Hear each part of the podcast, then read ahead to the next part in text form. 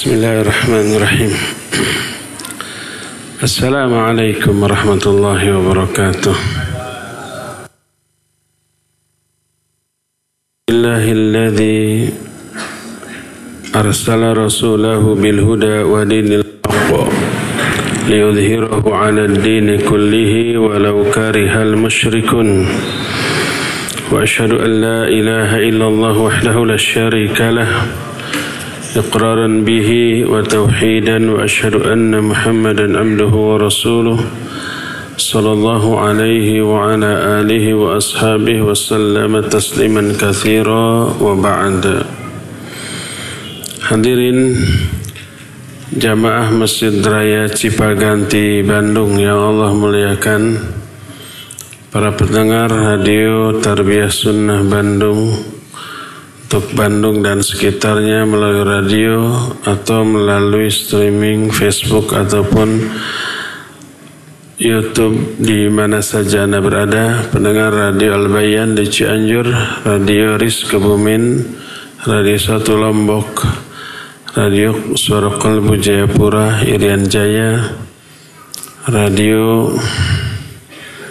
Amuba Pangkal Pinang, Radio Hidayah Pekanbaru, pemirsa Surau TV, di mana saja Anda berada, Alhamdulillah pagi ini kita kembali berjumpa untuk melanjutkan kajian tentang Asmaul Husna. Kita sedang membahas bagaimana cara menghadirkan rasa pengagungan kepada Allah kita sudah bahas pertama dengan mempelajari Asmaul Husna dan sifat-sifatnya. Kedua memperhatikan alam jagat raya yang maha luas dan dahsyat ini. Ketiga memperhatikan hebatnya para malaikat. Keempat dan kelima yang sudah kita terangkanlah memperhatikan nikmat yang Allah berikan kepada kita dan juga memperhatikan ayat-ayat syar'i yang rabbani. Ini sudah kita terangkan.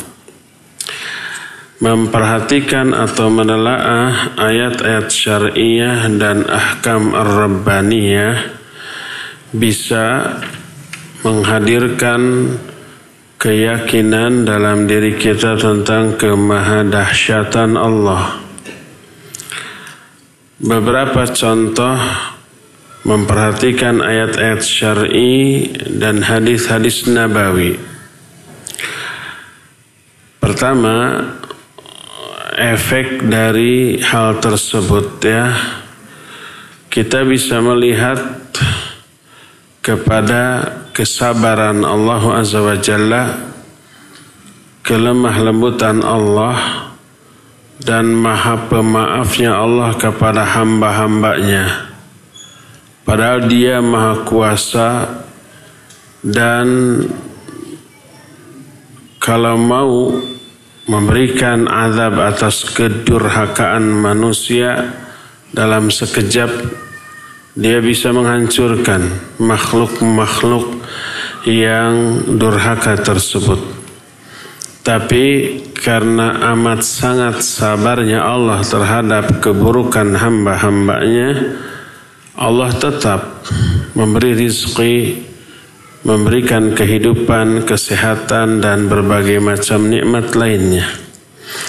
Coba perhatikan Al-Quran surah Maryam ayat ke-88 sampai 95 وقالوا اتخذ الرحمن ولدا لقد جئتم شيئا إدا تكاد السماوات يتفطرن منه وتنشق الأرض وتحر الجبال هدا أن دعوا للرحمن ولدا وما ينبغي للرحمن أن يتخذ ولدا إن كل من في السماوات والأرض إلا آتي الرحمن عبدا لقد أحصاهم وعدهم عدا وكلهم آتيه يوم القيامة فردا Kata Allah, Orang-orang musyrik berkata Allah memiliki anak. Jadi tuduhan super keji kepada Allah. Kata Allah, sungguh kalian telah mendatangkan sesuatu yang amat mungkar. Hampir-hampir langit ini pecah dan hampir-hampir bumi ini terbelah dan hampir-hampir gunung ini pun meledak dari hal itu. Jadi alam yang Allah ciptakan langit, bumi, gunung murka, marah kepada orang-orang musyrik yang mengatakan Allah memiliki anak. Langit sampai hampir pecah, bumi sampai hampir terbelah, gunung pun sampai hampir meledak dari tuduhan bahwa Allah memiliki anak.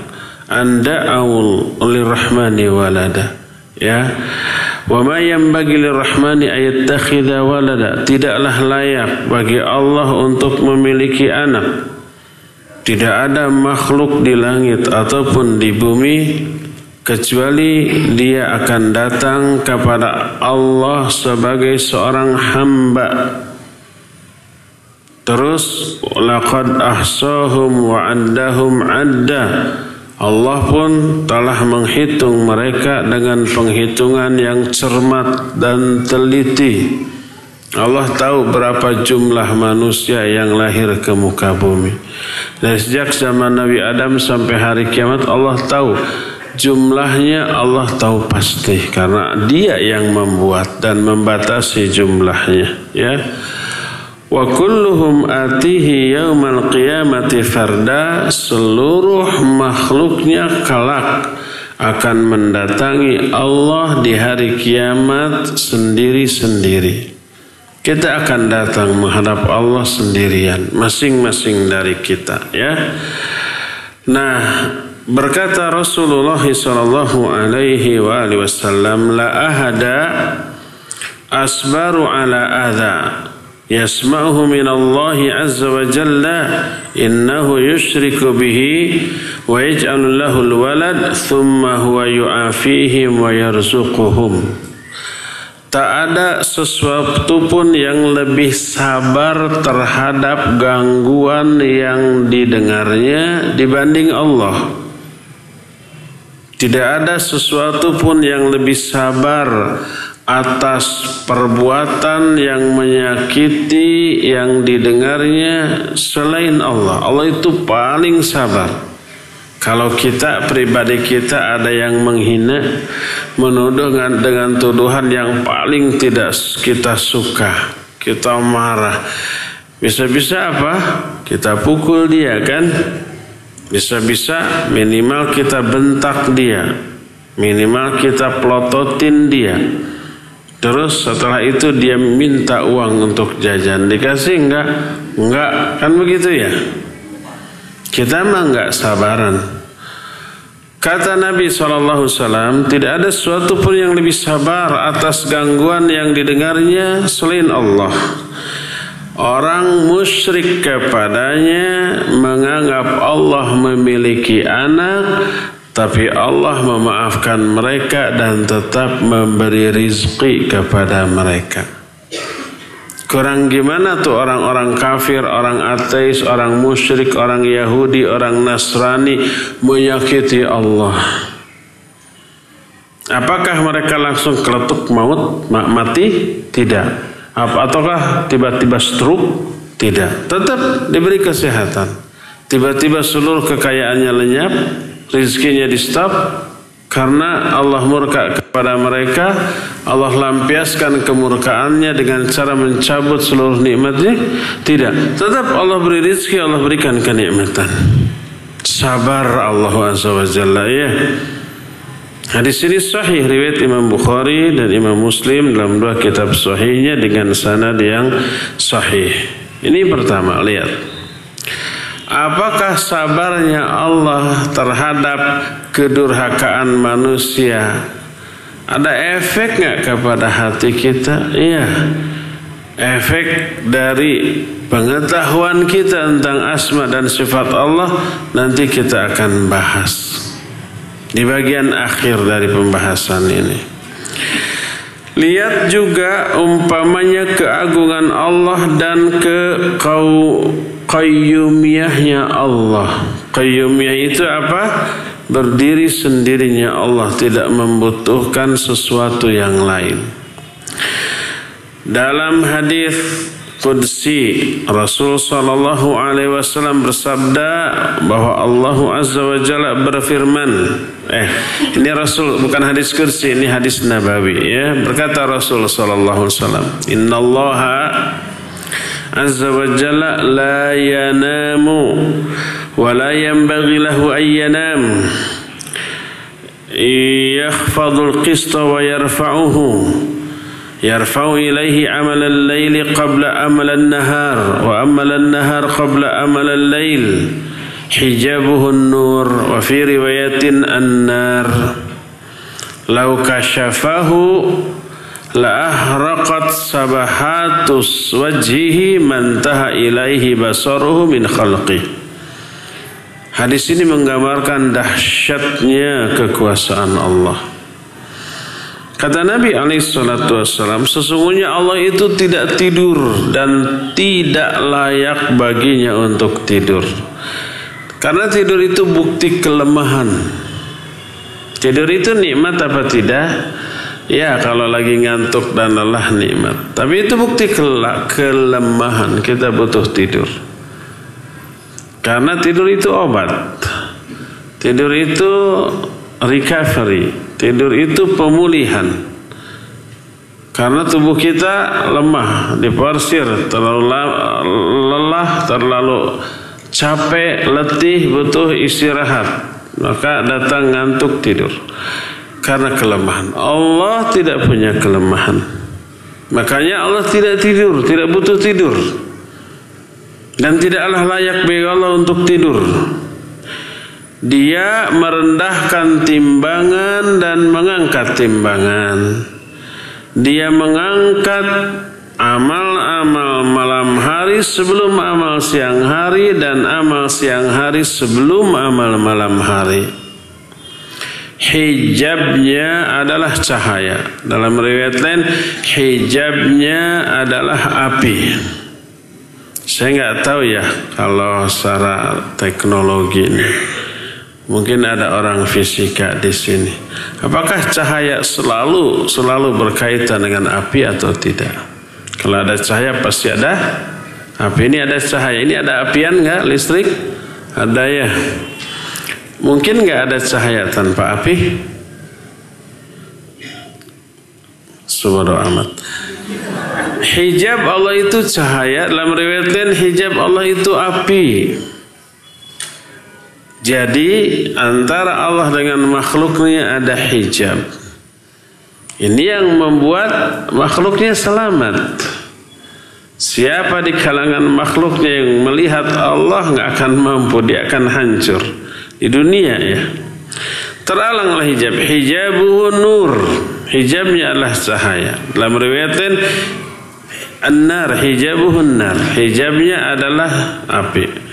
Lau kasyafahu seandainya hijabnya ini disingkapkan, hijabnya ini dibuka oleh Allah, niscaya ya, niscaya cahaya yang terpancar wajah Allah bisa membakar segala sesuatu yang terlihat oleh pandangan matanya dari kalangan makhluknya.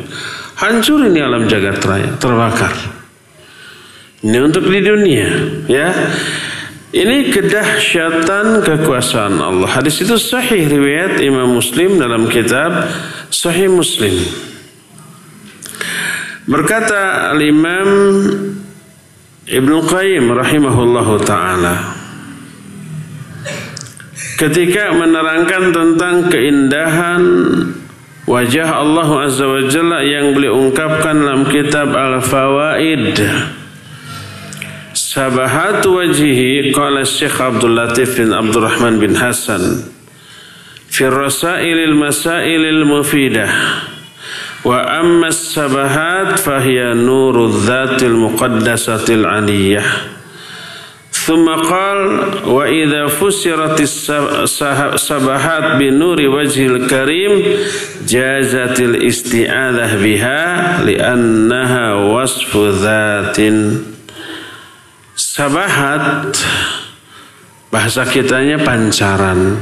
Pancaran sinar dari wajah kan ada ya? Walaupun mungkin nggak ada sinarnya. Sabahat wajhi diterangkan oleh Syekh Abdul Latif bin Abdurrahman bin Hasan dalam kitab Ar-Rasail Ar-Rasail wal Masail Mufidah.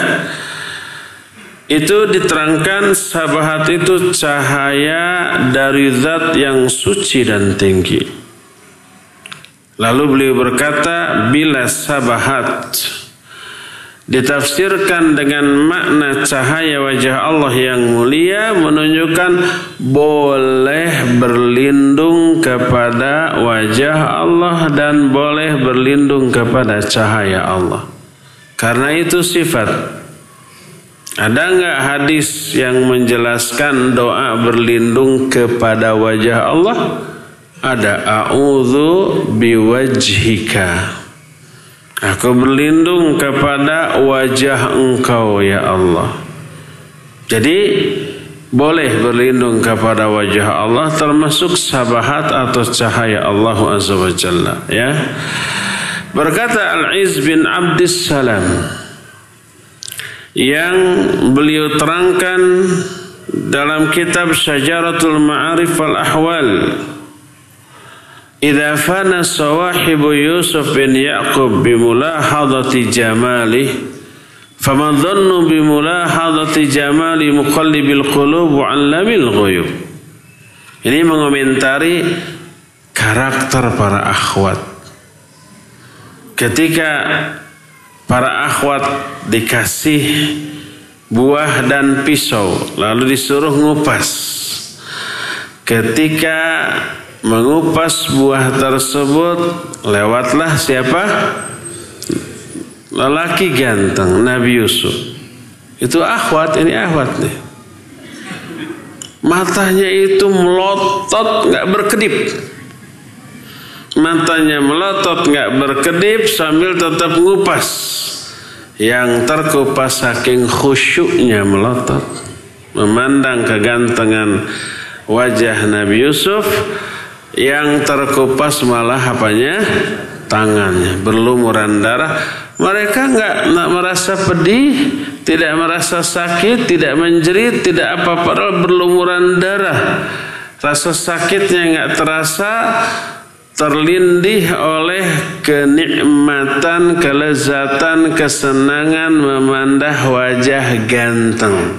Itu siapa yang begitu tuh? Akhwat. Begitu tuh akhwat. Kata Al-Is bin Abdul Salam, bila para wanita yang memandang Nabi Yusuf alaihissalatu wassalam terpesona sampai hilaf, lupa, nggak sadar kepada apa pun hanya karena memandang kegantengan wajah Nabi Yusuf, maka bagaimanakah dengan orang yang memandang keindahan wajah Allah yang muqallibul qulub dan allamul ghuyub? Ada enggak orang yang bisa memandang wajah Allah? Ada, mudah-mudahan kita termasuk di dalamnya tapi tidak di sini, di mana? Di surga. Wujuhu yawma idzin nadhir nadhirah ila rabbiha nadhirah.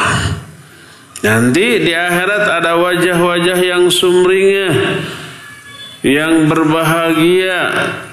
Karena mereka bisa memandang wajah Allah Azza wa Jalla. Dan itu senikmat kenikmatan yang ada di surga senikmat-nikmat kenikmatan, selezat-lezat kelezatan, sebahagia-bahagia kebahagiaan di surga adalah memandang wajah Allah. Hanya di surga bagi orang mumin. Adapun orang kafir di neraka tidak. Allah berfirman, "Kalla innahum an rabbihim yawma idzin lamahjubun." Tidak kata Allah Innahum sesungguhnya mereka orang-orang kafir itu an rabbihim tentang apa namanya uh, melihat Allah pada hari itu akan terhijab, akan terhalang, nggak bisa melihat Allah. Itu surah Al-Mutaffifin.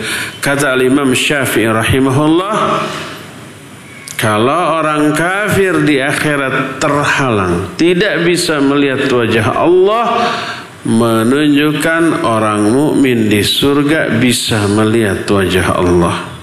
Dengan penjelasan ayat itu kata Imam Syafi'i rahimahullah. Nah, kata Al-Iz bin Abdus Salam bila para wanita memandang Nabi wajah atau kegantengan keindahan Nabi Yusuf, wajah Nabi Yusuf sampai lupa diri, ya Rasa sakit tidak terasa sakit. Darah yang bercucuran yang selama ini mereka sangat takuti tidak lagi dipedulikan. Terpesona oleh kegantengan Nabiullah Yusuf. Itu baru makhluk. Maka bagaimana melihat keindahan wajah Allah? Innallaha jamilun yuhibbul jamal. Allah itu maha indah dan amat menyukai keindahan. Berkata Imam Ibn Qayyim, "Idza kanat musyahadata makhluqin yawma ukhrija 'alayhinna istaghraq istaghraq istaghraqat ihsasan nadhirat faqata'na aydiyahunna wa ma yash'urna fa kaifa bil hali yawmil mazid." Kata Imam Ibn Qayyim, bila menyaksikan keindahan makhluk ketika makhluk ini keluar yaitu Nabi Yusuf dan melupakan perasaan wanita-wanita yang memandang keindahan wajah Nabi Yusuf. Kesadarannya itu hilang sampai mereka memotong tangan-tangan mereka tanpa mereka sadari Orang itu sudah lupa diri, sudah tersihir hanya melihat kegantengan Nabi Yusuf. Maka bagaimana keadaannya pada hari kiamat nanti? Di mana kaum mukminin di surga memandang kepada wajah Allah Jalla, ya. Itu poin yang kedua. Ketiga, lihat lagi karunia Allah pemberian Allah, kebaikan Allah, kedermawanan Allah dan betapa maha berterima kasihnya Allah kepada makhluk. Kepada hamba atas amal yang dilakukannya. Padahal padahal nih Orang berbuat baik, orang berbuat taat, orang berbuat ibadah itu pun dikarenakan pemberian Allah berupa hidayah dan taufik kepada mereka. Kenapa kita sholat, yang lain enggak? Kita mah diberi hidayah, yang lain enggak. Kenapa kita ngaji ke sini, yang lain enggak? Kita mah diberi hidayah dan taufik untuk ngaji, yang lain mah tidak. Kenapa sebagian orang beribadah dan taat, sebagian lagi tidak? Karena yang ibadah dan taat itu diberi hidayah. Jadi kalau orang berbuat baik itu karena apa? Hidayah Allah, kebaikan Allah. Bukan murni hasil usaha dan ikhtiar orang itu secara pribadi enggak. Karena hidayah Allah. Alhamdulillahilladzi hadana li hadza wa ma kunna linahtadiya laula an hadanallah segala puji bagi Allah yang telah menunjuki kita kepada kebaikan ini. Wa ma kunna linahtadiya. Kami tidak mungkin tertunjuki seandainya Allah tidak memberikan petunjuk kepada kami. Ya Kenapa kita bisa datang ke sini ngaji? Karena hidayah Allah. Yang lain tidak diberi hidayah. Ada yang memang nggak nggak nggak nggak ingin, nggak punya keinginan. Ada yang ingin tapi diberi kesibukan yang nggak bisa ditinggalkan. Akhirnya nggak bisa datang. Nah, jadi orang yang berbuat baik Padahal kebaikan itu pun atas taufik dan hidayah Allah tapi tetap Allah berikan balasan dan bila Allah beri balasan tidak pernah yang setimpal. Balasan kebaikan itu nggak pernah dibalas dengan yang setimpal tapi yang berlipat ganda. Sepuluh kali lipat, tujuh ratus kali lipat, bahkan lebih lagi dari itu. Dalam salah satu hadis diriwayatkan oleh Imam Bukhari dalam kitab Sahih Bukhari berkata Nabi sallallahu alaihi wasallam idza aslama al-'abdu fahasuna islamuh يكفر الله عنه كل سيئات كان زلفها وكان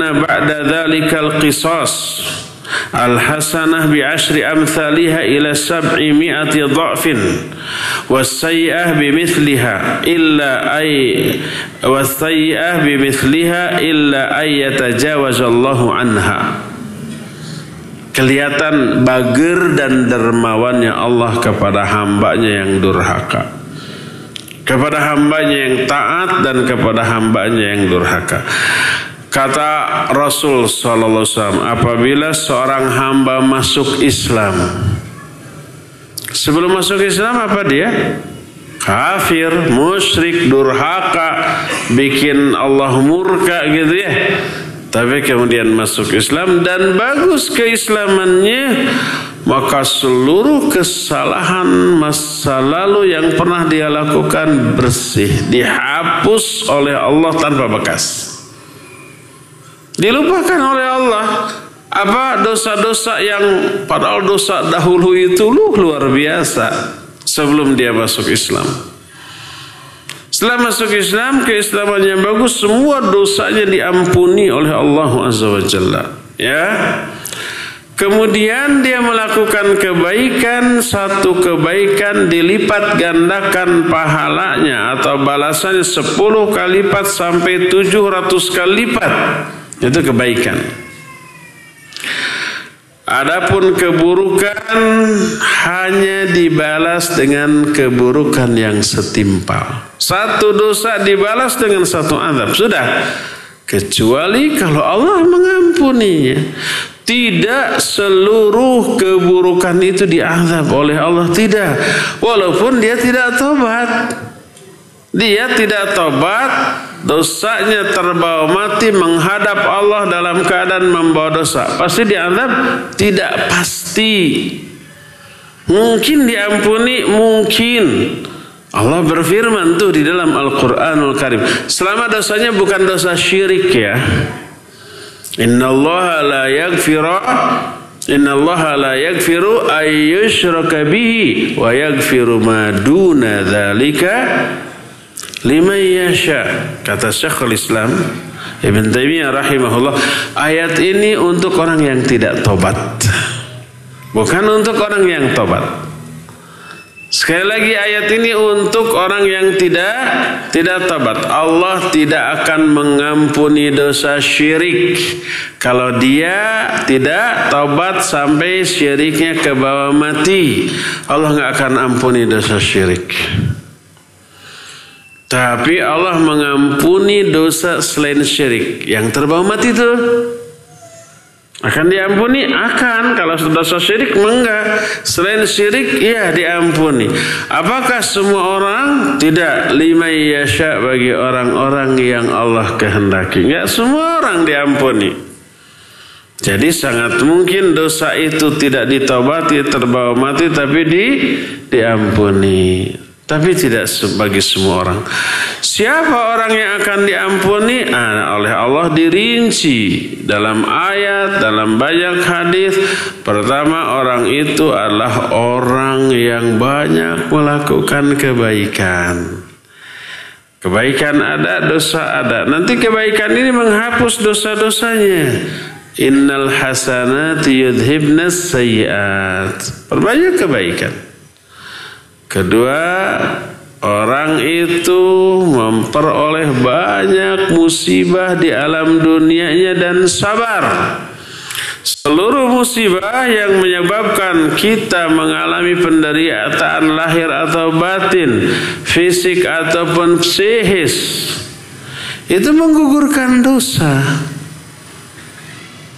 Ada umpamanya akhwat tuh jalan kaki mau ngaji atau pulang ngaji atau ke mana saja menutup aurat pakai cadar.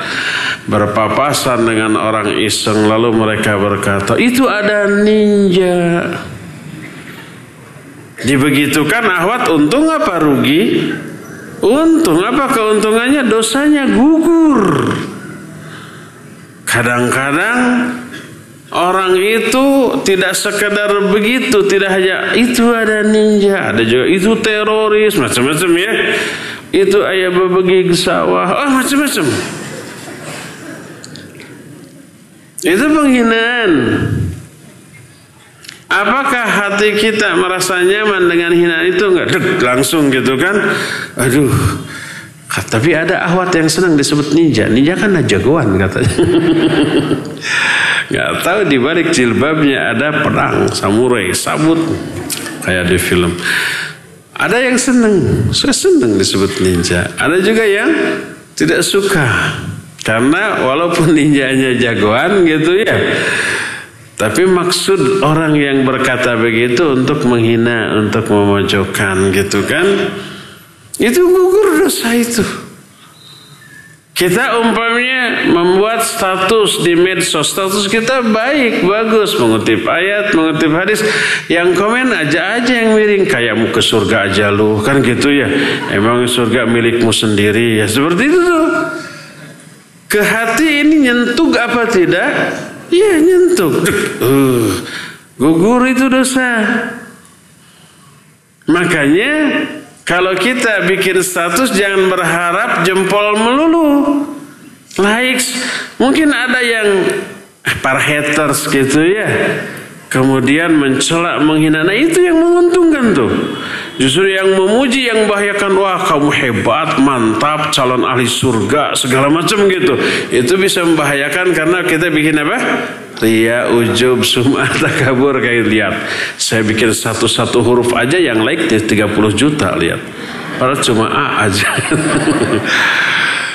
nah, itu yang berbahaya tuh, mencelakakan kita. Ya.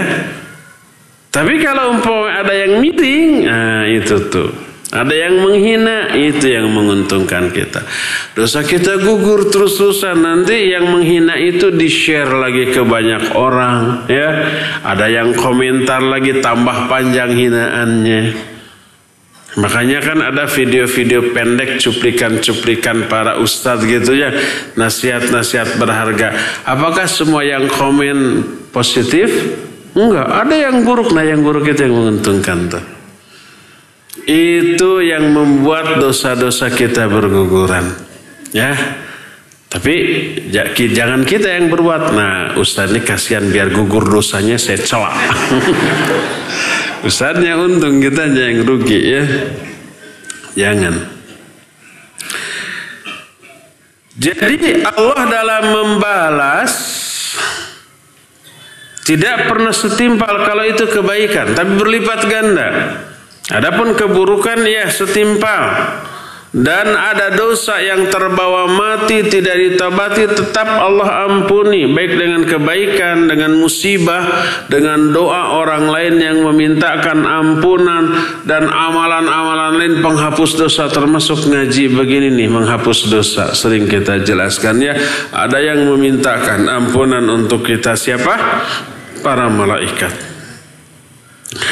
Dalam Sahih Bukhari dan Sahih Muslim Nabi sallallahu alaihi wasallam bersabda idza ahsana ahadukum islamahu fakulu fakulu hasanatin ya'maluha tuktabu lahu bi ashri amthaliha ila sab'i mi'ati dha'fin wa kullu sayyi'ah tuktabu bimithliha Apabila salah seorang di antara kalian membaguskan keislamannya maka semua kebaikan yang diamalkannya akan dicatat pahala 10 kali lipat sampai 700 kali lipat minimal 10 kali maksimalnya sampai 700 kali sedangkan seluruh kesalahan hanya akan dicatat satu dosa Bager apa tidak Allah kepada kita? Bager bingit luar biasa, ya. Lihat lagi kepada ilmu Allah yang mencakup segala sesuatu. Yang nyata ataupun yang gaib, yang terang-terangan ataupun yang tersembunyi, yang lahir ataupun yang batin sampai di pedalaman hutan yang dalam yang tak pernah orang datang ke sana ada apa pun yang terjadi di sana Allah tahu. Sampai daun kering yang jatuh Allah tahu. Kenapa? Karena Allah yang menjatuhkannya. Sebagaimana diterangkan baik dalam ayat ataupun hadis Allah berfirman dalam Al-An'am 59 wa indahu mafatihul ghaib la ya'lamuha illahu wa ya'lamu ma fil barri wal bahr wa ma tasqutu min waraqatin illa ya'lamuha wal habbatin fi dhulumatil ard wala ratabin wala yabisin illa fi kitabim mubin Allah memiliki kunci-kunci kegaiban. Tidak ada yang mengetahui kunci kegaiban ini selain Dia. Allah mengetahui apa yang ada di darat dan apa yang ada di laut. Tidak ada satu gugur, satu daun pun yang gugur kecuali Allah mengetahuinya. Tidak ada satu benih pun di tengah di kegelapan tanah, baik yang uh, kering ataupun yang basah, kecuali semuanya itu telah dituliskan dalam kitab yang nyata. Kitab yang dimaksud di lahul mahfud sudah tertulis dan apa yang sudah tertulis itu yang akan terjadi di alam jagat raya ini.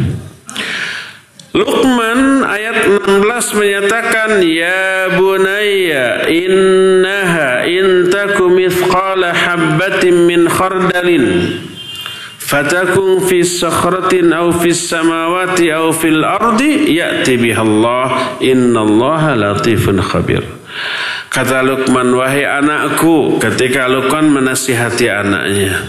Wahai anakku, sesungguhnya bila ada sebutir debu ya atau sebiji benih dia berada di tengah padang pasir atau di tengah langit atau di bumi semua yang ada Termasuk amalan yang engkau lakukan sekecil apa pun Allah bihallah Allah akan datangkan dia.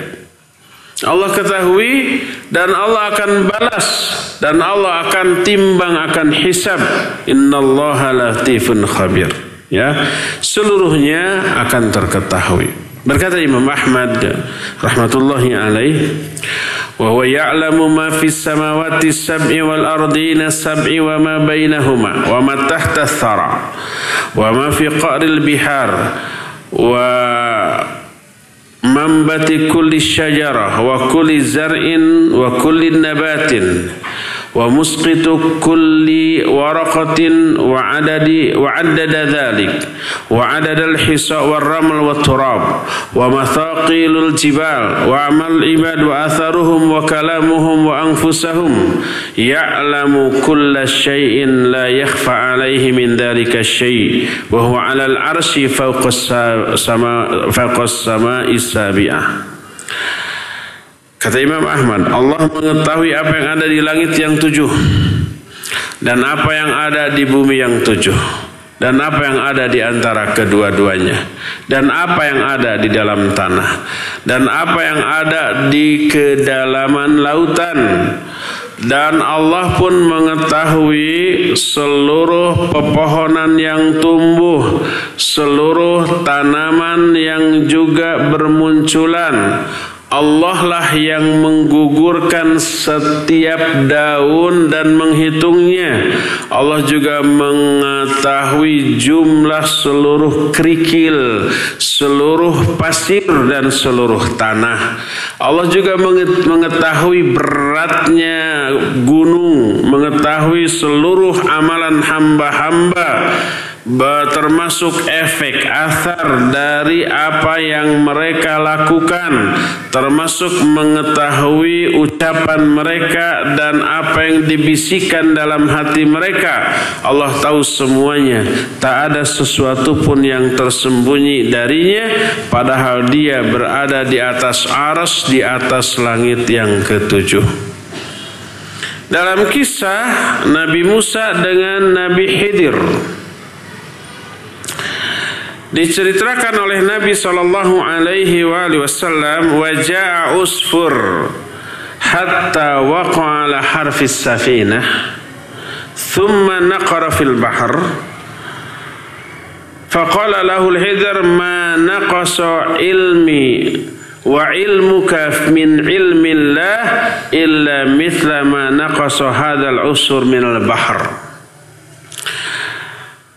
Kata Nabi SAW ketika Nabi Musa dengan Nabi Khidir lagi naik perahu. Tiba-tiba Ari entrep bahasa Indonesia nanaon. Menclok. Hinggap. Tiba-tiba ada hinggap seekor udang dari lautan ke pinggir uh, apa namanya uh, perahu yang sedang dinaikinya. Kemudian dia nyebur lagi ke lautan. Berkatalah Khidir. Jadi Khidir itu mampu mengambil ilmu dan merangkan ilmu dari semua kejadian. Makanya Nabi Musa oleh Allah disuruh untuk belajar kepada Khidir.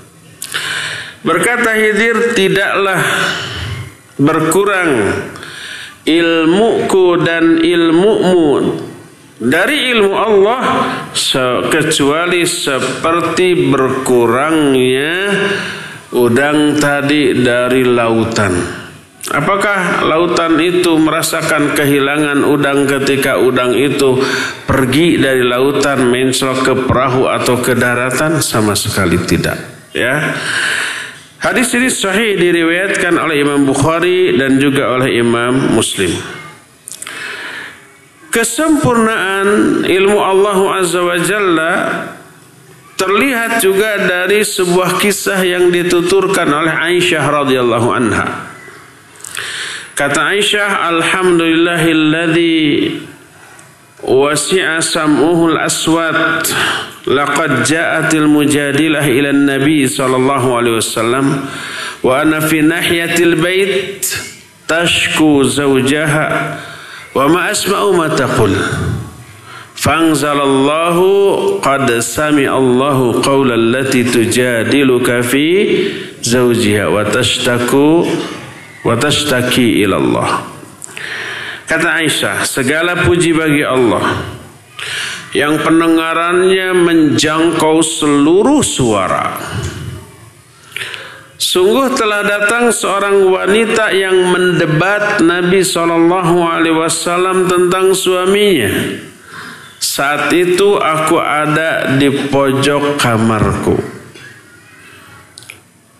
Dia curhat kepada Nabi SAW tentang suaminya. Aku tidak mendengar apa yang dia ucapkan. Jadi wanita itu curhat kepada Nabi SAW. Aisyah ada di kamar itu. Kamar Aisyah gede apa kecil? Kecil. Gede mana dengan Masjid Cipaganti ini? Oh ya gede Masjid Cipaganti itu ya. Kecil. Ya, mungkin seukuran RSSSSSSS-nya 10 sangat sederhana, sempit, sumpek, susah, selonjor, dan seterusnya. Tapi Aisyah tidak mendengar apa yang dikatakan oleh wanita yang curhat kepada Nabi Shallallahu Alaihi Wasallam itu. Padahal dekat. Ternyata Allah tahu.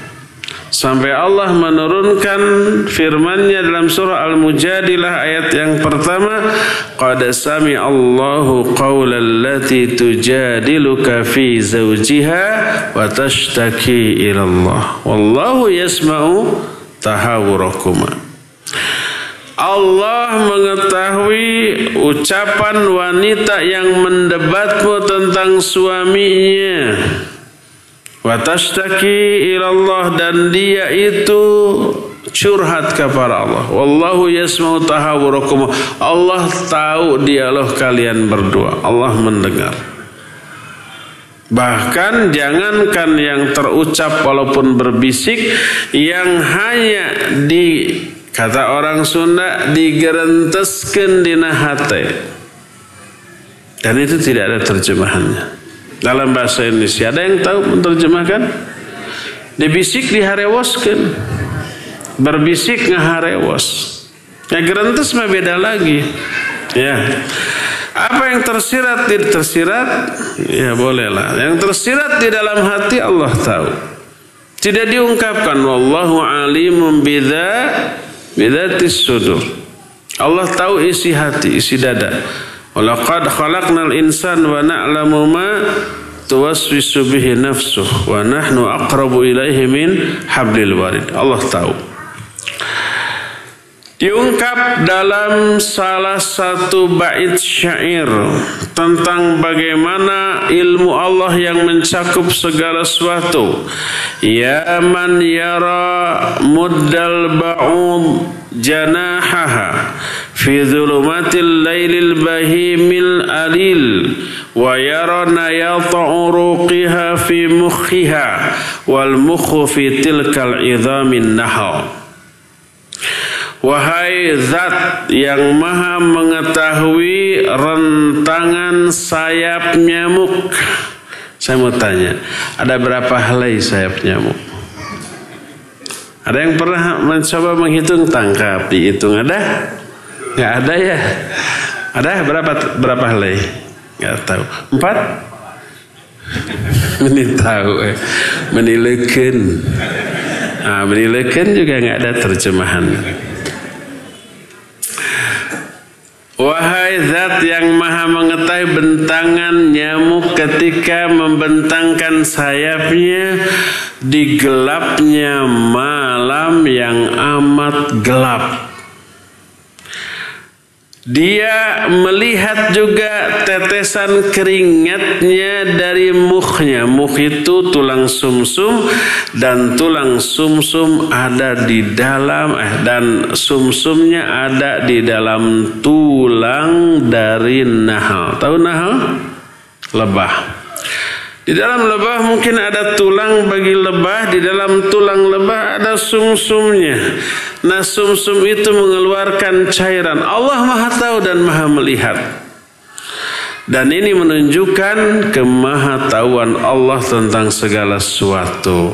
Maka apa yang kita lakukan di saat sendirian tak ada orang yang melihat kita bahkan yang tersirat di dalam hati kita Allah dengar Allah tahu dan seluruhnya Allah akan tampakkan kelak di dalam hisab ya.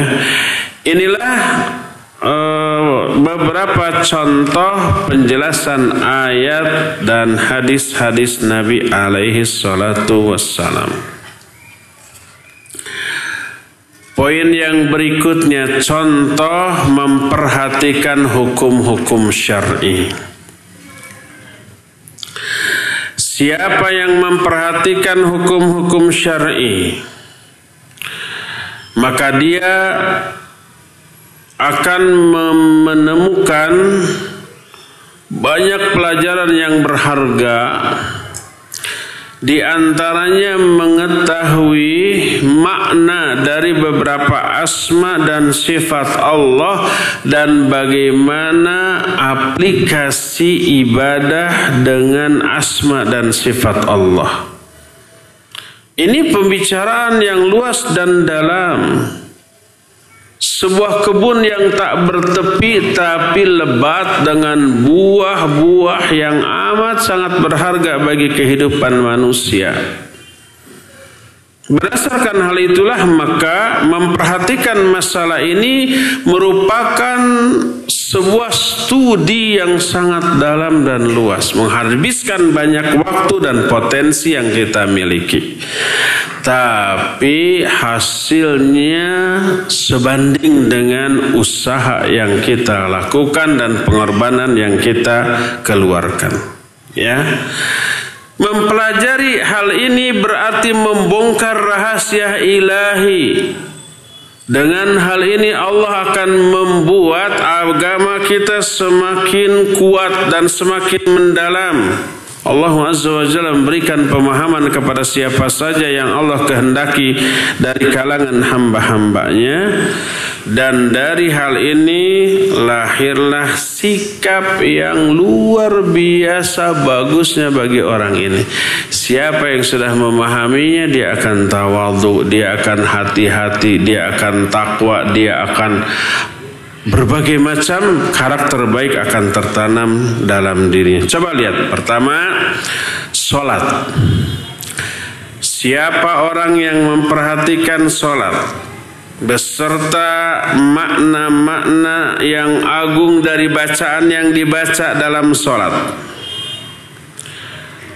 akan apa? Akan lahir beberapa karakter bagus. Pertama, ta'widun nafsil basyariyah alal khudu wal inqiyad. Jiwanya akan terlatih untuk selalu khudu dan inqiyad. Khudu itu rendah hati. Inqiyad itu loyal, taat, tunduk dan patuh.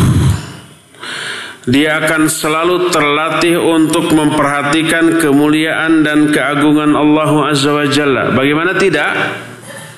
Setiap perpindahan gerakan kita selalu diingatkan kepada kemahabesaran Allah. Diawali dengan takbir Allahu Akbar. Ini jangan sampai ucapan lisan semata-mata tanpa penghayatan. Lisan itu hanya media. Lisan itu hanya seperti knalpot yang mengeluarkan asap hasil dari pembakaran. Nah, jiwa kita mengagungkan Allah. Keagungan Allah yang sudah terkondisi dalam jiwa kita terucap melalui mulut Allahu Akbar. Mulut ini terkemudian. Mulut ini poin akhir dari aksi pengagungan kita kepada Allah. Sebelum mulut, hati pikiran kita sudah mengagungkan Allah, sudah menganggap Allah itu besar. Nah, dari hati yang sudah tertanam baru mulut mengeluarkan takbir Allahu Akbar. Kebanyakan kita kan hanya mulut ya, hati pikiran mah tidak. Allahu Akbar lalu membaca doa-doa yang disyariatkan. Kadang-kadang ketika membaca doa yang disyariatkan dalam sholat kita lalai lagi, ingat lagi kepada dunia, tidak ingat lagi kepada Allah. Pas pindah ke gerakan lainnya diingatkan lagi Allah Akbar. Allah yang maha besar, selain Allah kecil. Dunia ini kecil, nggak perlu difikirkan, nggak perlu diingatkan, nggak perlu diprioritaskan. Uh, yang harus diprioritaskanlah Allah yang maha besar. Allahu Akbar. Kembali kepada Allah. Salat ini penuh pengagungan kepada Allah Azza wa Jalla. Jadi karena Allah satu-satunya yang maha besar, Allah satu-satunya yang harus diprioritaskan, diperhatikan, dinomor satukan, ditaati, dan hanya kepada dia kita tunduk dan patuh. Apa efek yang muncul berikutnya? Tenanglah dada. Kemudian syahdulah atau nyamanlah jiwa karena merasa begitu dekat dengan Allah Subhanahu wa taala. Seluruh Doa yang kita baca dalam solat penuh pujian kepada Allah. Penuh tasbih, tahmid, dan takbir serta tahlil. Di dalamnya ada kita selipkan keinginan-keinginan kita. Tapi umumnya keinginan untuk akhirat dan jiwa kita bukan untuk dunia. Iftitah saja kan isinya meminta ampunan. Allahumma ba'in baini wa baina khataya itu ampunan. Ya Allah jauhkan antara aku dan kesalahanku sebagaimana engkau telah jauhkan antara timur dan barat dan seterusnya. Fatihah sudah kita bahas tafsirnya dan belum selesai ya. Mungkin nanti hari Ahad yang akan datang kita lanjutkan lagi. Ruku itu tasbih dan ta'zim kepada Allah Subhanahu wa taala. Ya, sujud juga demikian. Nah, di dalam duduk selain meminta akhirat kita minta dunia. Ada Rabbi firli itu untuk akhirat kita ya. Sampai warzukni itu apa? Dunia kita kita minta. Isinya penuh syukur, penuh pengagungan dan seterusnya kepada Allah. Apa efeknya? Merasa dekat dengan Allah. Kalau dengan penghayatan, merasa tenang dan tentram jiwanya, dan bila itu semua dilakukan secara berjamaah, ada efek sosial. Kita dekat dengan sesama Muslim, dengan orang di kiri dan di kanan kita. Ada keterikatan batin karena bersama-sama ruku, bersama-sama sujud, bersama-sama mengagungkan Allah Azza wa Jalla. Efek dari solat memiliki pengaruh kepada kehidupan sosial. Dan ini diisyaratkan oleh Nabi Wasallam, sawu sufufakum, luruskan uh, soft kalian. Terus fala takhtalifu fatakhtalifu qulu qulubukum. Jangan kalian bararengkok. Bengkok itu lawan dari apa? Dari lurus. Nanti jangan kalian berselisih. Berselisih itu tidak lurus ketika apa namanya membangun soft. Nanti hati-hati kalian pun akan berselisih. Lihat. Dari membentuk soft berefek pada kehidupan sosial dalam kehidupan keseharian. Hati kita akan berselisih dengan tetangga kita. Bila di dalam sholat berjamaah soft ini tidak rapat dan tetap bengkok, tidak lurus. Makanya kewajiban imam. Nabi SAW sebelum sholat beliau menghadap ke makmumnya. Sawu sufufakum fa inna sufuf min tamamis sholat. Luruskan dan rapatkan saf kalian. Karena lurus dan rapatnya saf bagian dari kesempurnaan salat kesempurnaan salat berefek pada kesempurnaan kehidupan sosial. Allah yang mengatur bagaimana hati kita apa bersatu apakah renggang dengan hati tetangga. Allah yang ngatur tuh. Dan itu efek dari apa? Salat secara berjamaah Terus perhatikan lagi tentang wudhu. Siapa yang memperhatikan syariat Allah dalam hal wudhu berupa apa? Berupa membasuh anggota-anggota badan. Yang ini merupakan esensi dari kesucian dan kebersihan dan ini merupakan sesuatu yang mengajarkan banyak pelajaran yang berharga ya Kenapa anggota wudhu umumnya dicuci tetapi khusus untuk kepala kenapa hanya harus diapakan? Diusap. Dan para ulama membongkar rahasia semua itu, ya. Dan kenapa yang dicuci itu hanya anggota badan tertentu? Ada berapa anggota wudhu? Cuma empat, ya kepala dengan segala isinya wajah gitu ya. Nah, hidung mulut kedua tangan kedua kaki tadi wajah dengan isinya mulut hidung kedua tangan kedua kaki dan kepala. Mencakup juga dua daun telinga ini. Itu sudah hanya empat. Kenapa hanya itu? Kenapa bagian lain tidak? Perut umpamanya bagian punggung bagian ketiak yang sebenarnya itu yang lebih secara logika harus dicuci. Itu yang apa namanya berpotensi sumber polusi. Tapi kenapa itu tidak? Karena agama wudhu bagian dari agama tidak didasarkan pada akal.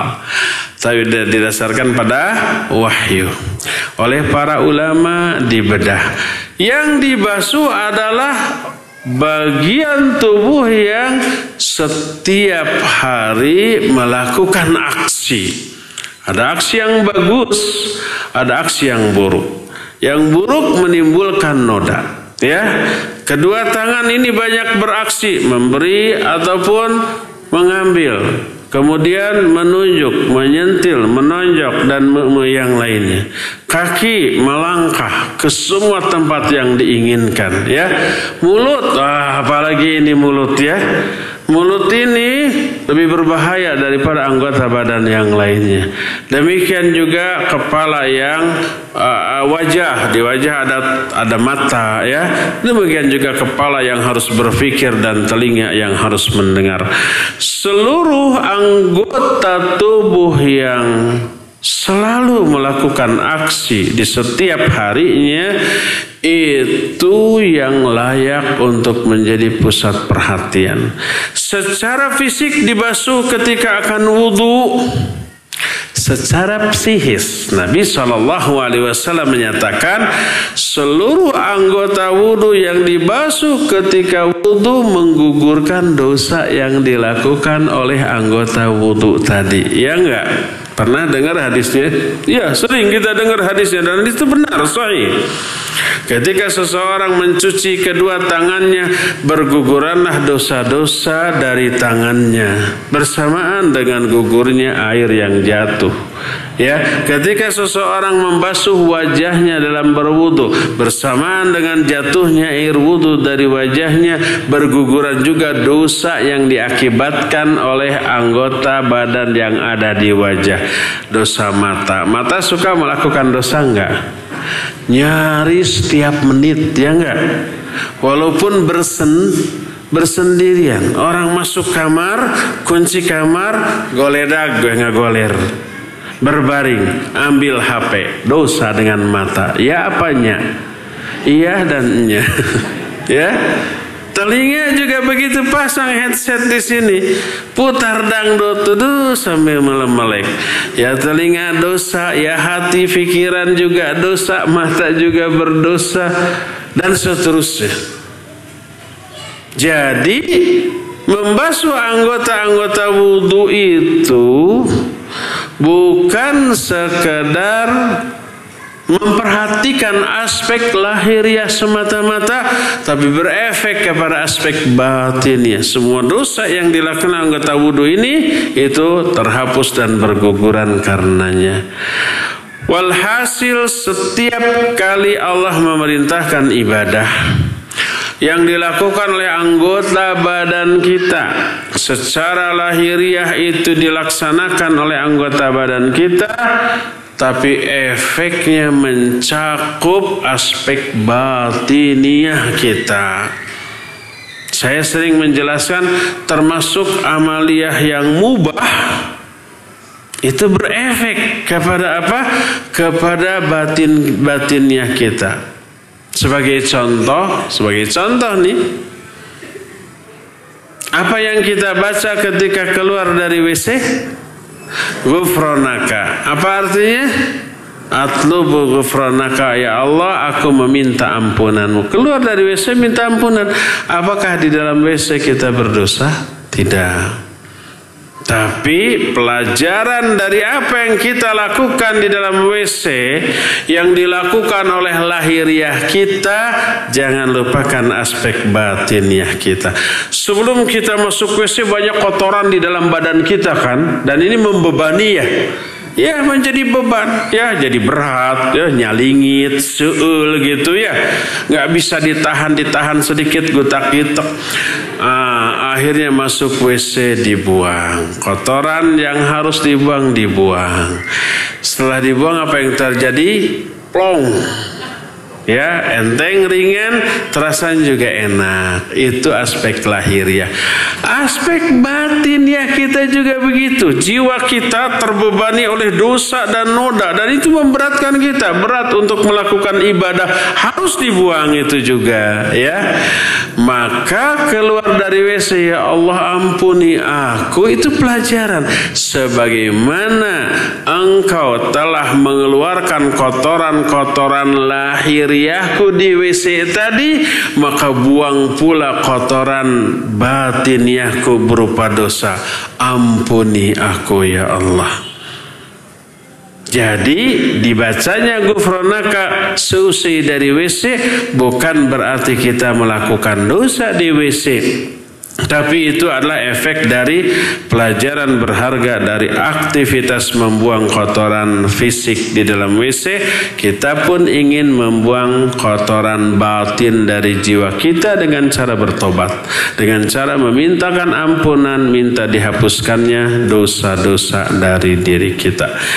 Inilah ikhwan azanillahu wa yakum kajian kita di pagi hari menjelang siang ini cukup sampai di sini uh, ingatkan saya untuk materi berikutnya teh ya. Apa coba?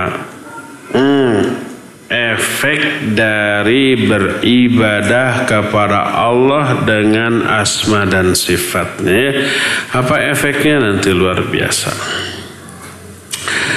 Kita masuki sesi tanya jawab. Sebelum sesi tanya jawab kita masuki saya punya empat buah buku dua ikhwan dua akhwat satu siapa yang ingin buah buku doa dan wirid?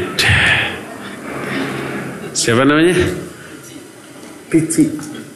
Udah pernah belum? Belum. Yakin? Taib barakallahu fiq berjuang dulu ya. Nggak gratis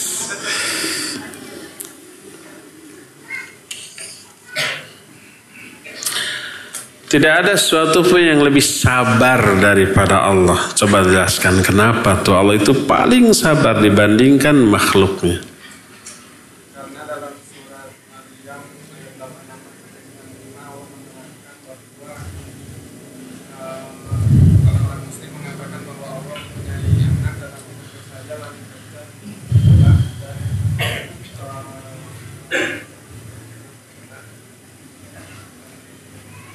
Sabarnya Allah di mana?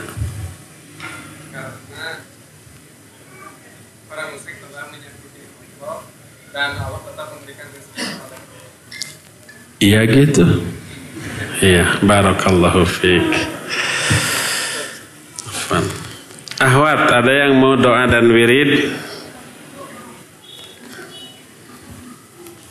Kalau ada, silakan ambil mic-nya ya. Siap Ustaz. Ya. Pertanyaan untuk Ahwat dengan hadiah buku doa dan wirid.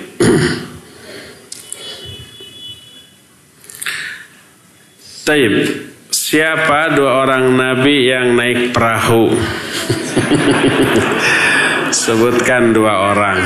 Nabi Musa dan Nabi Hidrin. Hidir. Hidir. Hidir. Iya. Nabi Musa. Siapa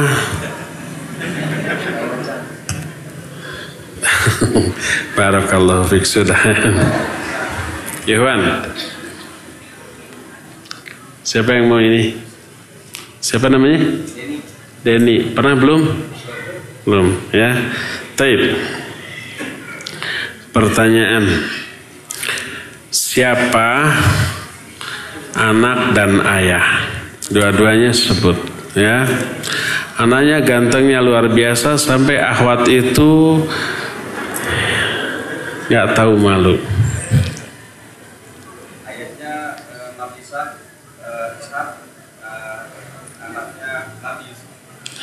anaknya Nabi Yusuf ayahnya Nabi Yusuf siapa? Nabi Isa.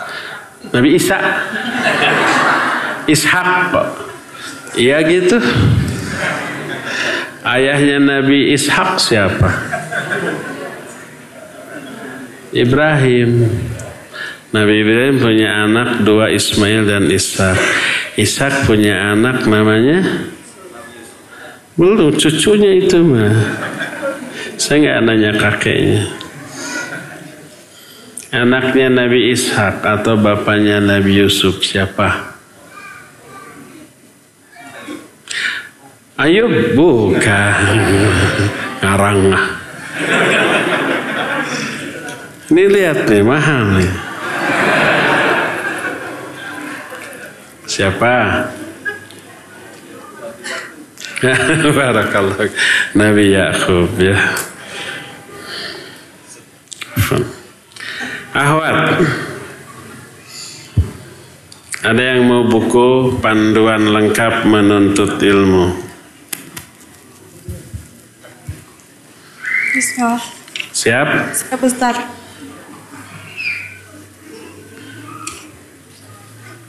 Siap? Siap. Baik. Insya Allah. Iya. Pertanyaan untuk akhwat. Sebutkan salah satu karakter para wanita di zaman Yusuf di zaman Nabi Yusuf yang apa ya? Yang menunjukkan karakter asli para wanita zaman sekarang. Uh, para Apa? uh, selalu baper. Uh, para wanita uh, terpesona melihat ketampanan Nabi Yusuf, uh, ketampanan para Ikhwan. sampai mereka lupa kalau sampai mereka hilang kesadaran. Ya, Apakah masih berlaku sampai sekarang? berlaku. Ya, jujur deh. Ya nanti ambil ya. Barakallahu fiik. Pertanyaan pertama, saya mendengar, saya pernah mendengar pernyataan seorang ustadz bahwa kalau kita sudah keramas, lalu pagi harinya berhubungan, saat mandi junub tidak perlu keramas lagi tapi hanya membasahi rambut aja. Ya itu keramas. Tapi kalau hanya membasahi rambut tapi badan tidak, ya nggak sah. Tetap harus mandi. Apakah harus dibanjur? Ya di, di, dibasahi itu keramas ya. Jadi batasan mandi adalah bila seluruh bagian tubuh terbasahi, apa pun caranya baik dengan cara pakai shower ataupun pakai gayung atau nyebur ke kolam. Seluruhnya terbasahi itu sudah mandi sah ya.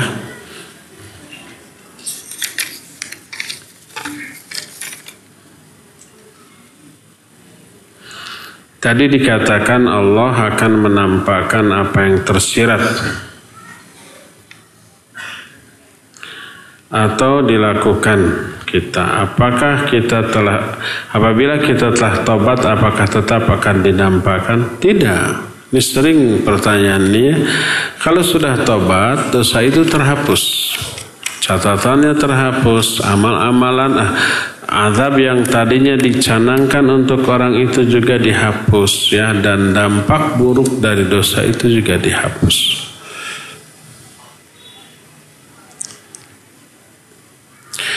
Apakah betul kita umat muslim masuk surga itu atas rahmat Allah? Maksudnya gimana? Apakah hmm, satu dulu Maksud orang masuk surga karena rahmat Allah bukan karena amalnya adalah rahmat itu kasih sayang. Dimasukkannya orang ke dalam surga pada hakikatnya kasih sayang Allah, bukan balasan atas amalnya. Karena amalnya nggak seberapa, balasannya surga yang super mahal. Ya ada bandingannya di dunia ini, nggak ya. Jangankan surga lah, amal yang kita lakukan untuk membayar nikmat yang Allah berikan kepada kita aja nggak cukup. Mau nggak kita diberi nikmat mata dua asal seumur hidup kita ibadah? Pasti mau. Hanya mata dua saja. Itu. Jadi untuk nikmat yang Allah berikan kepada kita nggak akan terbayar walaupun dengan ibadah seumur hidup. Apalagi surga. Jadi bila Allah memasukkan seorang kepada surga itu bukan karena balasan atas amalnya, tapi karena rahmat Allah. Tapi bukankah Allah menyatakan jazaa'am bima kanu ya'malun? Surga itu balasan atas amal mereka. Atas amal manusia. Al-Quran yang menyatakan demikian. Tapi kenapa hadis menyatakan bahwa seseorang tidak masuk surga karena amalnya tapi karena rahmatnya? Maka yang Kedua yaitu seorang masuk surga karena rahmatnya itu itu hakiki. Adapun seseorang masuk surga karena amalnya itu adalah wasilah dari hal tadi. Mananya wasilah itu rahmat Allah akan Allah berikan kepada hamba kalau hamba itu beramal. Dia beribadah, beramal soleh, berbuat kebaikan, baru Allah turunkan rahmatnya kepada dia.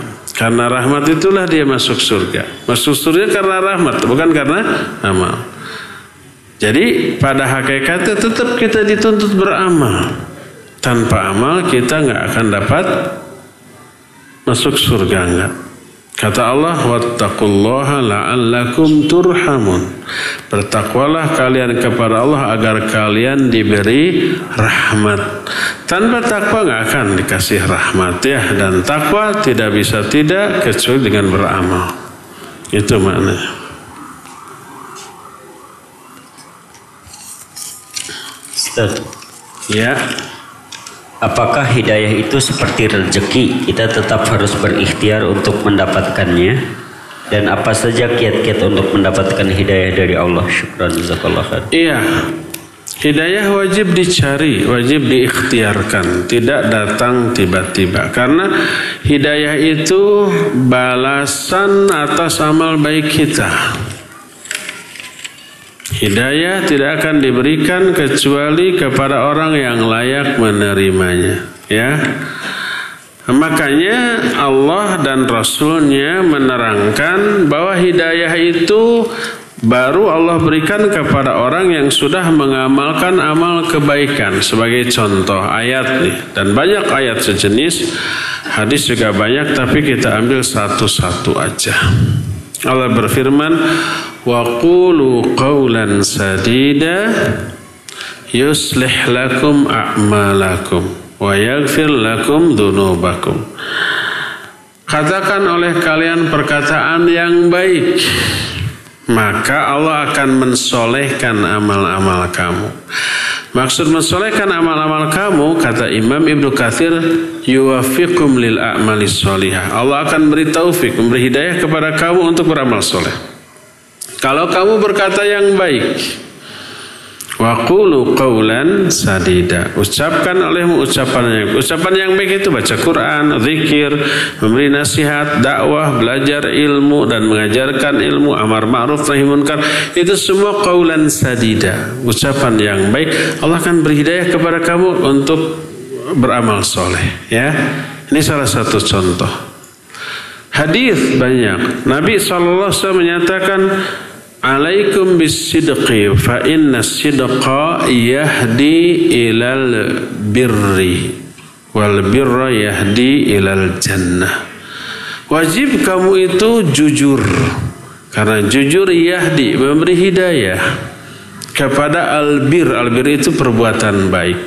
Karena jujur Allah berikan hidayah untuk melakukan kebaikan yang sebelumnya dia tidak lakukan karena jujur Allah beri hidayah akhirnya tiba-tiba saja ingin melakukan kebaikan yang disyariatkan. Seperti itu ya. Jadi ia harus dicari. Apa saja amal yang bisa mengundang hidayah banyak. Tadi berkata yang baik, jujur, tolabul ilmi, mencari ilmu hadir di tempat seperti ini. Ini di antara cara-cara yang kita lakukan untuk memperoleh hidayah dari Allah. Banyak infak dan sedekah, banyak menolong orang, banyak melakukan kebaikan. Itu semuanya faktor pengundang turunnya hidayah Allah. Ustadz saat ini umroh. Umroh nggak ada umroh sekarang, lagi haji ya. Belum dibuka itu, uh, visa umroh. Ustadz saat ini, oh saat anak umroh, saat anak kayak ini, saat anak umroh itikaf di Masjidil Haram pada menjelang malam 27 Ramadan. Ana bermimpi di langit Masjidil Haram bahwa saat ini langit gelap dan ketika muncul dan tiba tiba tiba dan tiba muncul lafaz Allah begitu besar di langit dan langit gelap dan langit gelap berubah menjadi terang. Lafaz Allah begitu indah, kuning keemasan. Dan anak terbangun karena sering takjub melihat semua itu. Apa arti semua itu Ustaz? Nggak tahu. Saya bukan tukang takwil mimpi. Apakah ini merupakan karena Allah yang begitu besar atau hanya mimpi yang datangnya dari syaitan? Mohon penjelasan. Barakallahu fiqh. Mimpi itu selalu kita alami. Ada yang baik, ada yang buruk. Batasan mimpi baik atau buruk lihat efeknya. Menyenangkan kita ataukah membuat kita sedih? Mensupport, memberi semangat atau membuat kita lemah ya. Itu saja baik buruknya. Setiap mimpi Nabi menjelaskan mimpi tidak pernah menyuruh kita mencari takwil dari mimpi itu. Tapi Nabi SAW mengajarkan adab. Kalau kita mimpi yang bagus, yang baik, memuji Allah lah, mintalah kebaikan dari mimpi itu dan boleh diceritakan. Tapi jangan ditambah-tambah biar seru, diperseru gitu ya. Itu dusta, nggak boleh. Sedusta-dusta ucapan adalah seorang yang mengaku mimpi demikian padahal dia tidak mimpi demikian. Ya, itu dusta, dosa besar. Boleh diceritakan mimpi baik seadanya, jangan ditambah-tambah. Tapi kalau mimpinya buruk, terus kita terbangun, maka berta'awudlah kepada Allah. Minta agar tidak ditimpakan keburukan atas mimpi itu dan jangan diceritakan kepada siapa pun. Kalau mimpi itu umpah dikejar-kejar orang gila ya, mau dibunuh, pakai samurai dia larinya kenceng kita larinya berat gitu. Mau teriak nggak bisa susah gitu. Minta tolong orang-orang cuek. Elegan sampai terbangun. Kalau sudah terbangun begitu ta'awudlah. Meniuplah ke kiri tiga kali balikan bantalnya ganti posisi tidur maka insya Allah mimpinya tidak akan berlanjut itu dan jangan diceritakan agar keburukan dari mimpi itu tidak tertimpa kepada kita. Adapun kalau kita mimpi buruk sampai terbangun, begitu terbangun cuma ih ngeri, terus tidur lagi, mimpinya akan lebih mengerikan daripada sebelumnya, ya. Jadi itu saja adab-adab kalau kita bermimpi. Ya perlu sibuk mencari takwil dari mimpi itu. Pak Ustadz, apakah sholat sedekah itu ada? Ada. Jadi kalau umpamanya kita sudah sholat berjamaah, datang seorang belum sholat. Nah, kita menemani dia sholat. Jadi berjamaah itu disebut dengan sholat sedekah.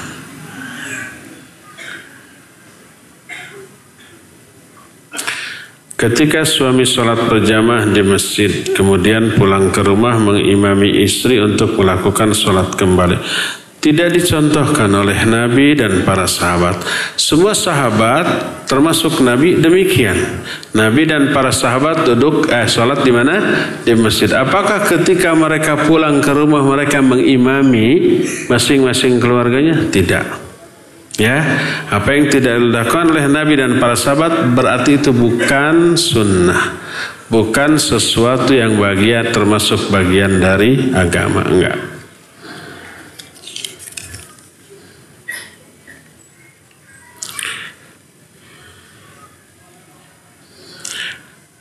Apakah sholat taubat itu ada? Ikhtilaf para ulama tentang sholat taubat ya. Tapi yang jelas tidak ada seorang pun ulama yang menyatakan salah satu syarat tobat adalah harus sholat tobat. Nggak ada. Ya.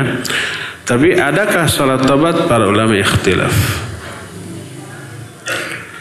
Setiap malam Jumat di semua masjid selalu ada yasinan. Enggak, enggak di semua masjid.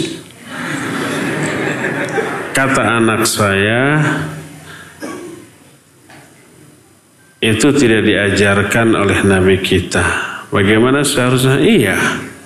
Apakah Nabi setiap malam Jumat baca Yasin?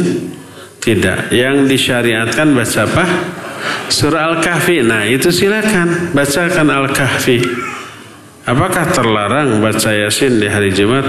Gak ada larangan, tapi gak ada sunnahnya juga. Ya, siapa yang baca surah Yasin hanya karena pas dia mau apa melanjutkan bacaan di hari Jumat itu pas ternyata surah Yasin gak apa-apa. Tapi mengkhususkan diri membaca surah Yasin di setiap malam Jumat ini yang tidak boleh dianggap sunnah. Nabi SAW menyuruh kita membaca surah Al-Kahfi di malam Jumat atau hari Jumat. Apakah yang sudah tertulis di lahul mahfuz bisa berubah? Enggak, enggak bisa berubah. Yang baik menjadi buruk atau yang buruk menjadi baik tidak. Karena apa? Karena Nabi SAW menyatakan maka tinta sudah mengering, ya dan tidak akan ada perubahan apa-apa lagi. Kok nasib manusia berubah? Tadinya miskin bodoh berubah menjadi kaya dan pintar. Nah, itu bukan berubah di lahul mahfud, tapi memang di lahul, mahfud tertulisnya begitu. Awalnya dia bodoh miskin, terus ditakdirkan dia belajar, bekerja keras, akhirnya menjadi pintar dan kaya. Itulah garis hidup dia yang sudah tertulis.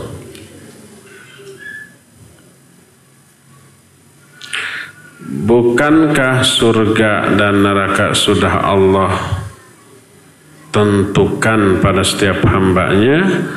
Maka bagaimana hukum mengenai setiap kebaikan yang dikerjakan? Apakah ada andil dan e, dari seorang hamba atau tidak ada andil sama sekali?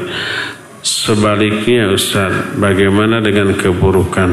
Agar ketakutan dan takwa tawadu saya dapat tobat dapat bertambah Iya, Allah sudah menentukan surga, neraka beserta penghuninya. Berkata Nabi SAW, Inna Allah khalaqal jannah wa khalaqalaha ahlaha faqala fala ubali. Wa khalaqan nar wa khalaqalaha ahlaha wa qala fala ubali. Allah telah menciptakan surga telah dan telah menciptakan calon-calon penghuni surga. Lalu Allah berkata, aku tidak peduli. Juga neraka demikian, ya. Nah, apakah kebaikan dan keburukan yang kita lakukan ada andil? Itu yang andilnya besar. Apakah mungkin kalau ini orang ini ditakdirkan neraka? Makanya walaupun di dunianya ibadah tetap aja ke neraka. Apa mungkin begitu? Nggak mungkin. Kalau seorang ditakdirkan ke surga, di dunianya dia Allah takdirkan soleh. Ahli ibadah, ahli kebaikan, ahli amal soleh, mati dalam keadaan demikian ke surga saja ya. Kalau seseorang ditakdirkan ahli neraka, dia akan ditakdirkan menjadi orang durhaka. Tidak mungkin umpamanya ditakdirkan masuk surga tapi selama hidupnya durhaka, kafir, musyrik, mati dalam keadaan demikian ke surga. Ya mungkin itu tidak adil ya. Jadi keadilan Allah menyebabkan takdir Allah dari ajali sampai akhir nanti itu akan selaras, akan serasi, tidak mungkin saling bertolak belakang. Terakhir ya. Ketika sedang sholat, kemudian ada keraguan-raguan apakah sudah melakukan suatu gerakan, tapi lebih condong ke sudah melakukan gerakan itu. Apakah di akhir sholat harus melakukan sujud sahwi dan keraguan itu sering saya alami. Gerakannya apa ya? Contohnya Sujud, sujud kan dua kali ya. Allahu Akbar sujud. Terus duduk lagi. Ketika duduk karena khusyuk melamun. Kalau khusyuk menghayati bacaan nggak mungkin lupa. Khusyuk melamun, lagi melamun tadi. ini teh sujudnya sudah dua kali apa baru sekali ya? Akhirnya dia sujud lagi. Khusyuk melamun. Karena khusyuknya melamun ketika sujud, dia bangkit tapi biasa seperti biasa dia ada duduk istirahat bangkit. Selama duduk istirahat mikir ini sujudnya sudah sekali apa dua kali ya? Mungkin ada yang begitu. Sudah sekali apa dua kali? Tapi lebih cenderung sudah. Lebih cenderung sudah ya kalau lebih cenderung sudah disebut ghalabatul dhon. Ghalabatul dhon itu masuk ke dalam kategori yakin. Ghalabatul dhon artinya dugaan terkuat. Dan maknanya yakin. Seringkali Allah memaksudkan yakin dengan lafaz dhon. Seperti firman Allah yang menyatakan alladzina yadhunnuna annahum mulaqu rabbihim wa annahum ilaihi tuhsyarun. Orang-orang yang sabarlah orang yang yadhunnuna menyangka dzon bahwa mereka akan bertemu Rabb mereka. Hah, yadhunnuna di sini disebut yakin. Mana yakin adalah batasnya dari ghalabatu dzon, dugaan terkuat. Berarti dia tidak ragu kalau sudah memiliki dugaan terkuat maka tidak perlu sujud sahwi. Tapi kalau setelah sujud dua kali duduk istirahat ini bangkit lagi apa sujud lagi? Ragu nih, ragu nggak ada kecenderungan ke salah satu 50-50 maka ambil yang sekali sujud lagi. Kemudian nanti ditambah dengan sujud sahwi ya wallahu alam bisawab cukup sampai di sini. Siang ini insyaallah kita akan jumpa lagi selasa yang akan datang.